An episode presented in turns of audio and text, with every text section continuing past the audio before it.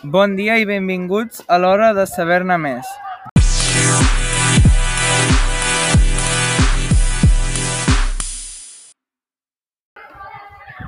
Jo sóc en Jordi i avui coneixerem i sabrem més sobre la increïble Ona Carbonell.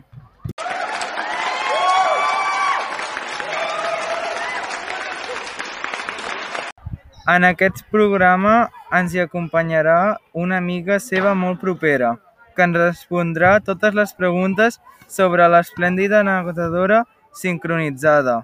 Així que no esperem més, comencem!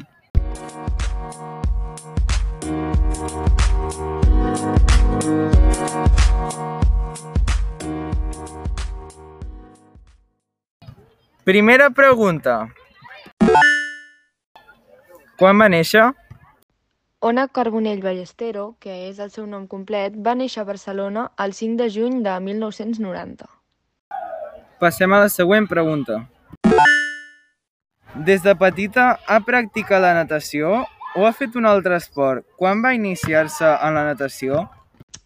Es va iniciar a l'esport a través de la gimnàstica rítmica, però aviat la seva passió per l'aigua la va portar a fer natació sincronitzada.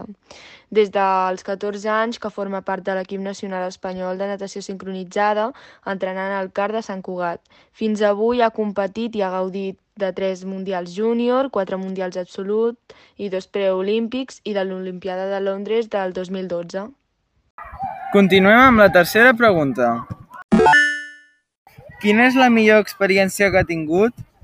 La seva millor experiència ha sigut guanyar la plata olímpica dels Jocs Olímpics de Londres de l'any 2012. És el més gran que ha viscut com a esportista i, òbviament, aquesta experiència l'acompanyarà durant tota la vida.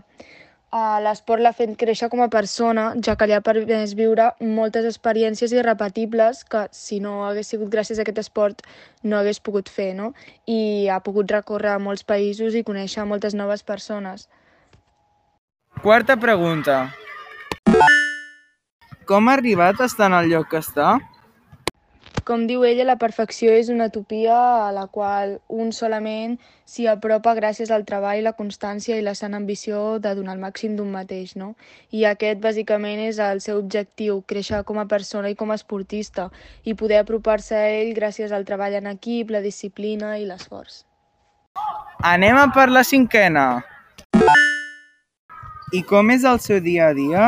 Entrena moltes hores i dedica molt temps? Una frase que diu molt ella constantment és Jo crec que ara ja sóc sirena, són moltes hores dins l'aigua. Entrena 9-10 hores al dia, les quals 8 són a dins l'aigua. Són moltíssimes hores dins l'aigua. Pràcticament no té horaris, són moltes poques hores de descans les que li ofereix el seu cos, no? A les 7 i mitja ja està al centre del rendiment de Sant Cugat i a la, fins la una i mitja no torna a casa seva, al Mas Nou a Barcelona. Ja ens acostem al final. Sisena pregunta. Més enllà de l'esport, hi ha vida. En saps algú de la seva? Sí, clar, clar, a part de l'esport, té una vida personal ella i la seva es mou um, al voltant de l'art, el disseny i la moda. Són el centre dels seus estudis i probablement en un futur proper uh, doncs sigui la seva professió. A més a més d'això, ella té un fill que el va tindre amb Pablo Ibáñez i es diu Kai. Seguim per la setena pregunta. Què ens pots dir sobre els seus premis? Ella, la excapitana de l'equip nacional de sincronitzada, um, té un rècord femení de 23 medalles als Mundials de natació i 37 en total, comptant els Jocs Olímpics, els Mundials i els Europeus. I finalment, l'última pregunta. Què creus que passarà quan deixi l'esport? Creus que està mentalment preparada per quan arribi aquest moment? La retirada dels esportistes d'èlit els canvia radicalment la vida. De cop i volta ja no hi ha ni focus, ni podis, han de plantejar-se noves metes i començar de zero. Una cosa per la que molts no estan preparats. En el cas de la Ona, doncs ella ja està bastant mentalitzada. No fa més d'uns dos anys que va dir que estava tan centrada en l'esport que no tenia quasi cap relació amb la seva família i per aquest motiu va decidir doncs, prioritzar una miqueta més la família no? que les seves metes esportives i deixar una miqueta l'esport de costat eh, i començar doncs, a entrar una miqueta més en aquesta normalitat. Li va costar molt per això prendre aquesta decisió. Ella pensava, sabré fer-ho, estaré a l'alçada, trobaré una cosa que m'apassioni tant com l'esport.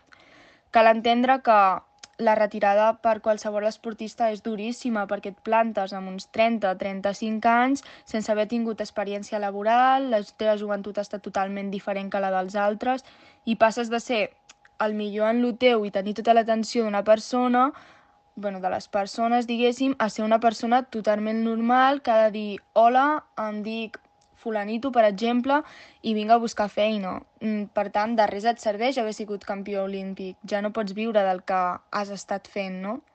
I si vols ser, per exemple, arquitecte, dissenyador, metge o qualsevol cosa, has de, com tothom, doncs, treballar moltíssim, començar des de zero i demostrar que ho pots fer superbé.